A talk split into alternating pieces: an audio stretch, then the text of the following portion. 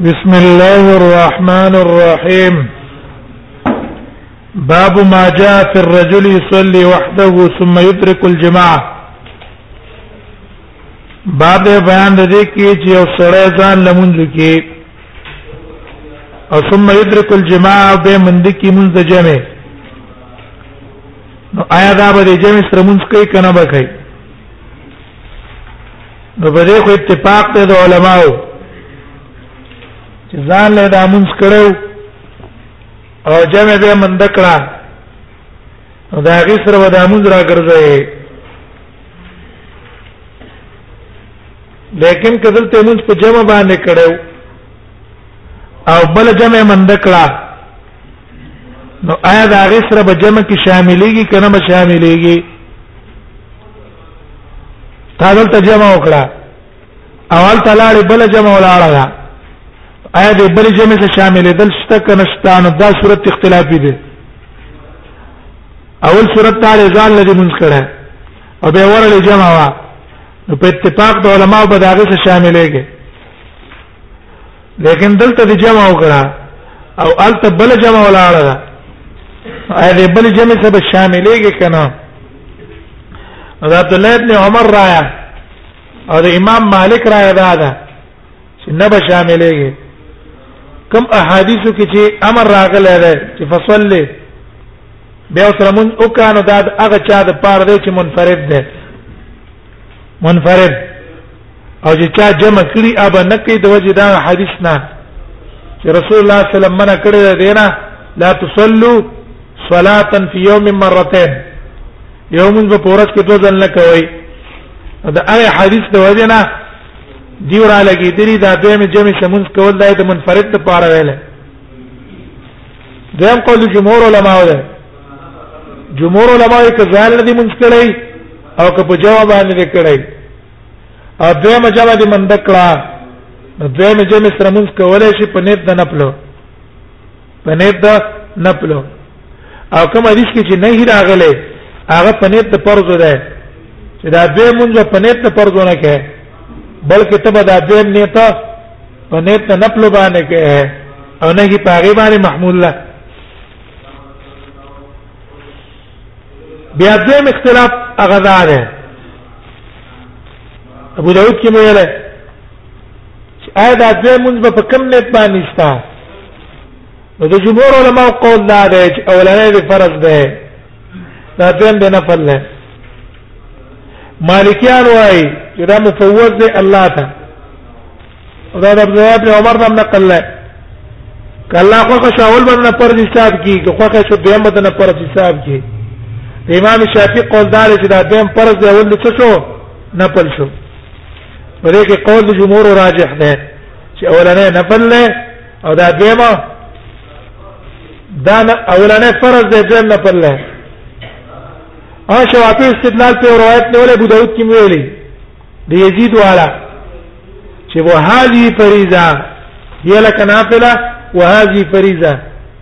وګوره ډیر معلوم شو چې د دوی مونږ ته څه ویل فرض ویل لیکن جمهور علما یې هغه روایت کمزور دی هغه څه دی جمهور کمزور دی او که صحیح شي حاضر مراد کم مونږ دی دا تا کمزال لکړی هغه ته زمير راځي دی هغه فرض دی او هي ورا د امام څخه د کوم کو دانه پله او دا زمایر ولې راځي کو دا در پاره چې د نور روایتونو سره موافقت راشي درم اختلاف دا و چې آیا دا دویمه جمع هر مونږ وسه کې کنه د اختلاف په مونږ ویلو د احناف په نسبت صرف دو منځونه به سره کې ما سپیخیم ما خستن سار بم نه کې ما جګر بم نه کې ما قام بم نه کې وې سار به زکه نه کې چې د فرض مانځه د رسول الله صلی الله علیه وسلم د نوافل نه منع کړي ما جګر بم زکه نه کې چې د هغه کې رسول الله صلی الله علیه وسلم دا غي نه منع کړي دا باندې کې د دې وجه نه ده او د غنا ما خام کې به ځکه نه کې چې په ما خام ټیم کې غنا من راغله د درې رکعات نوافل نه شریعت منع کړي ځکه صلات بو تیرا ده او صلات بو تیرا نه شریعت منع کړي دیم قول د مالکیانو ده مالکیانو ټول مونږ بکې صرف ما خام باندې کې یو جدار کما خام دی تا وکړه بیا د ما خام شپ شو ځکه چې فرض احد هما شو کرا دا شپ وګرځید حال دا چې د ما خام شریعت څو ویل دی وتر ویل دی دا وتر به جوب شي دریم قول دا د حنابلو د شوافی او ده هغه ټول منځونه بکې او هغه ما خام تم کې به زم دی او رکعات سره کې ځکه تنفل په درې رکعات باندې سي دی نه بل رکعات سره یو ځای کا چې څلور شي لیکن په دې کې راجح قول دا ده چې منځونه بکې ما خام بم کې ایزم ته ضرورت سره نه درې رکعات باندې نوافل جایز نه دي مګر په دې صورت کې جایز دي دا چې مستثنا دي د وجه د حدیث نه فین ادرکتها معهم کو څه دې مند کړو سوي کا که چرته بل زم درکات ته ضرورت وې نو رسول الله صلی الله علیه وسلم بیان کړه چې رسول الله صلی الله علیه وسلم ته بیان نکړه دیو جنا بس دلته نوافل په درې رکعات څه شولو تابعداري د امام د وجنه جایز شو وهذا القول هو الارجح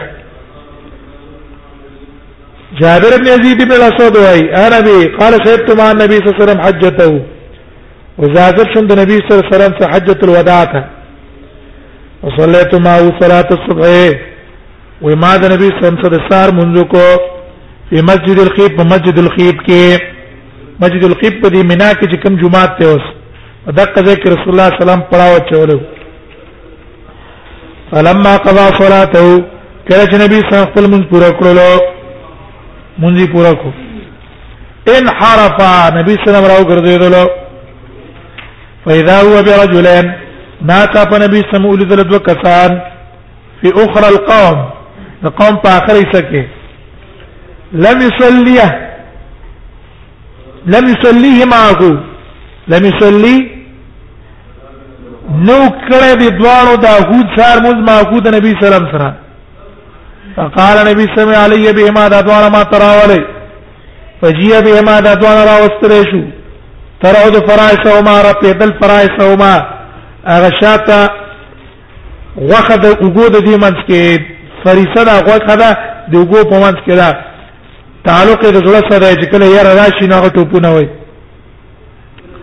فقال نبی صلی الله علیه وسلم دا ول رپیدل د وجه روب د نبی صلی الله علیه وسلم نه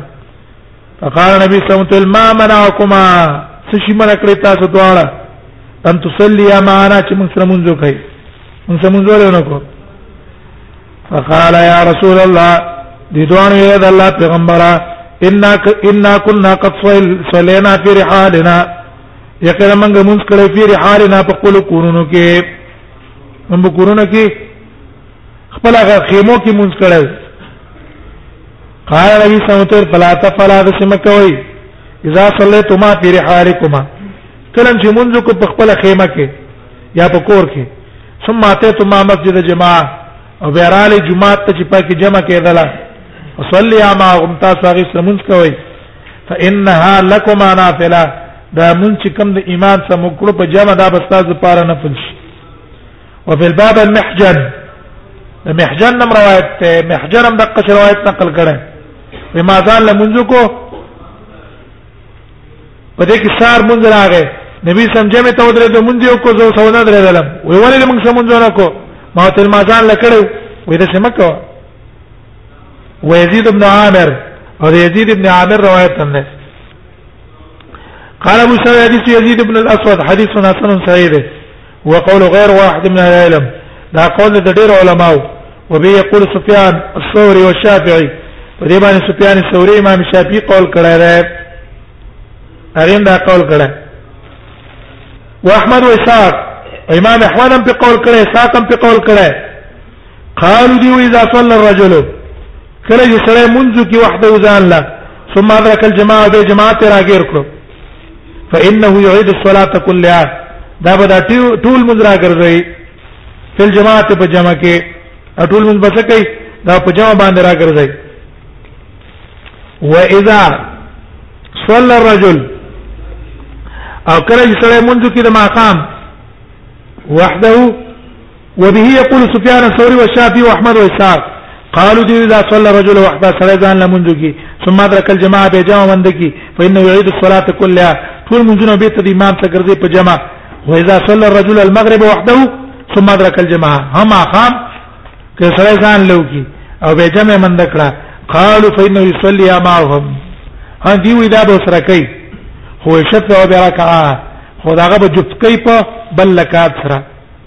والتي صلى وحده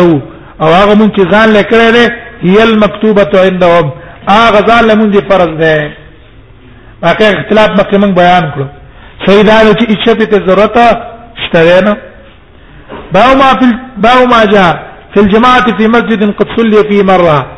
بعد بیان د دې کې چې جمعه کې ځل جمع وشو او به تر لګي کې دوه جمع په جمعه کې کې آیا دا دوه جمع دا بهتر پکار دا بهتر ده او که ترک بهتر ده یو خود چې جمعه ته چې د لارې جمعه کې نو پاغي کې خو اتفاق د علماء مسافر چې راځي او هم جمع کوي بلم جمع کوي بلم جمع کوي څه خبره نشته لیکن یو د مالی جمعه ته او د محلي واره جمع لاړه دا دویمه جمع په دې محلي جمعه کې جائز دا بهتره ده کنه یو قول د جمهور یو قول د علماو دا ده یو قول چې دا د امام احمد هم نه د اسحاق هم نه هغه وی چې دا دویمه جمع به تر دا او دا نقل د عبد الله بن مسعود نه هم مصنف ابن ابي شيبه روایت راوړی بسناد صحیح چې عبد الله ابن مسعود راغې جمعه ته او پاکه جمع شوی و نو هغه علقمه او اسود دا ځان شاګردانو ځان پسې په جمعه کې اودرول او جمع او توکړه او د انس رضی الله عنه روایت تاسو بخاری کې ویل یو روایت کې سار منځو سار مستشوي او را اولګېدلو انس اذان مکړلو اذان او اقامت مکړلو او به جمع مونږ وکړلو انس نو دا انس هم دا عمل له او دا حدیث سره دلیل له چې ګور رسول الله صلی الله علیه وسلم ویل علی رجل یتصدق علی هذا دا سره نشته چې په دې سری باندې صدقه وکړي دویم قول سفیان ثوری سفیان ثوری دی عبد الله بن مبارک دی د امام شافعی دی او د امام ابو حنیفه دی او د امام مالک دی هغه وی ځان لمونځ کول ته بهتر دی په نسبت د جمع دا خبره پڅ کې ده په بهتر والی کې ده چې ځان لمونځ کول ته سری دا بهتر دی دې استدلال نیولای په یو روایت وې تبرانی کې روایت ته چې رسول الله صلی الله علیه وسلم جمعه تراغه جمع ته شوی و وې نبی صلی الله علیه وسلم لاړو نو خپل اهل راجمه کو پاغي هغه تیمونځ کو دی ګورا که جمعات کې مونږ به تر وینو په کار دی چې رسول الله مسجد نبوي نه پرې خوستله وي مسجد نبوي کې مونږ په څو ده مسجد نبوي کې مونږ په 50 زره ده نه په یو زره ده 50 زره نه په یو زره مسجد حرام کې په یو لاک مسجد نبوي کې په زر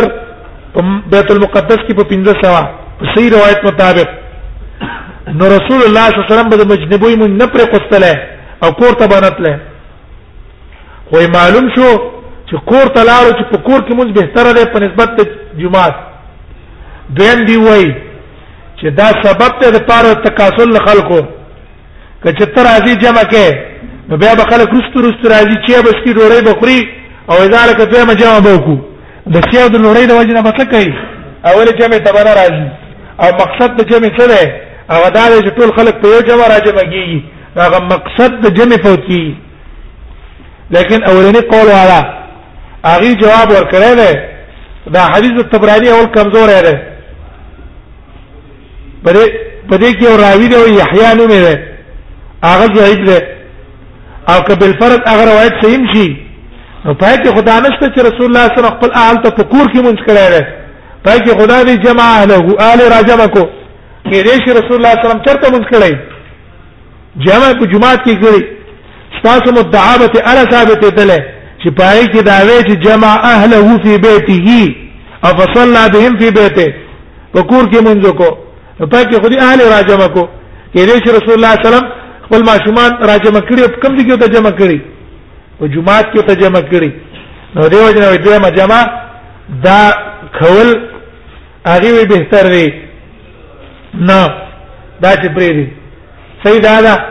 چې دې ته به قتل کېدل شي که سبب ګرځېدو د محلې د پاره د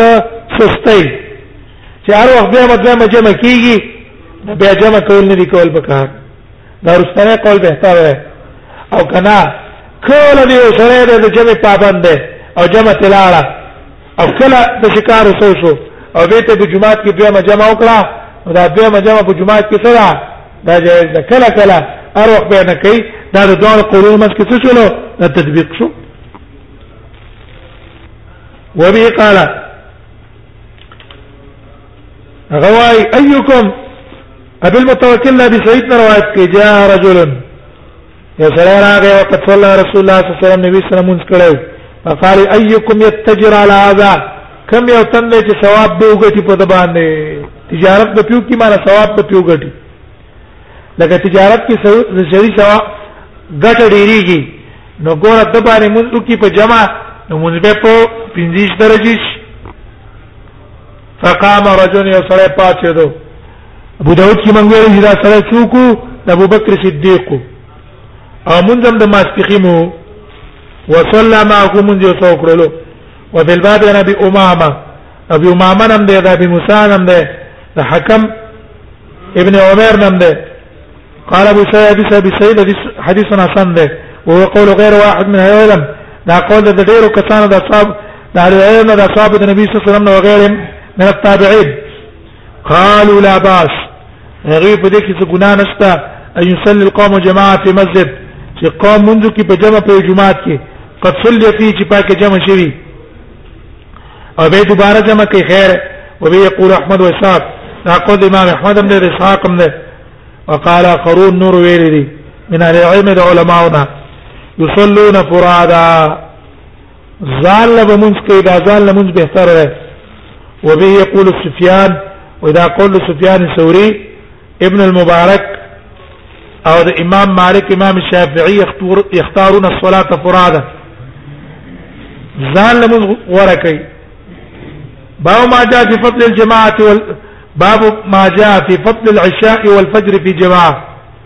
باب بیان د دې چې سره د ماخستن مونږ یا د سار مونږ په جواب باندې او کې د هغه فضیلت حدیث ابو داود کې تاسو وره ان عثمان ابن عفان قال قال رسول الله صلی الله علیه وسلم شهید العشاء فی جماعه او سوچ حاضر شو ماخستن مانځ ته د جمع سره کان له قیام نصف لیله د دې لپاره به ثواب د نیمه شپې د عبادت دا د شو لکه نیمه شپه عبادت یو کو ومن صلى العشاء والفجر في جماعه او چا چې د سار او ما قسطن مونږ په جمع کو کان له ک قیام لیلا دغه لپاره به د شي ثواب لکه ټول شپه په عبادت تیر کړه دا د سار مونږ د نیمه شپې ثواب شو ما قسطن نیمه شپې ثواب شو البته مونږ ویل چې ابو داود کې دي ومن صلى الفجر في جماعه فكانما قام الليل كله نو الته موږ ویلو چې ګوره دا روایت د ترمذی روایت معارض ته کړه او د مسلم روایت جواب من کړو چې الته حذف دی حذف ومن صلى الفجر ومن صلى العشاء اول فجر الته اختصار ده دا روایت پکې صریح وفي الباب ويبدي باب كده ابن عمر نقل فضيلة ابو هريرة عنسنا عمار بن ابي ابن ابي رويبنا عن جندب نا ابي بن كعب وابي موسى ابو ريدان وبي قال سنة المشاعر قال سنة يزيد بن هارون قال سنة داود بن ابي عن الحسن عن جندب, عن جندب بن سفيان البجلي عن النبي صلى الله عليه وسلم قال دا حدیث سراوړو من صلى الصبح فهو في ذمه الله وچا چې سار من اوکو فهو في ذمه الله دا به چا پي دا به الله په ذمه کې فلا تخبر الله في ذمته ورتاس بيزتي انقد الله د ذمه دې سیره گویا کې الله امن ورکو چې واستز ما په ذمہ واره کې تا ته بڅوک زره نه ورسای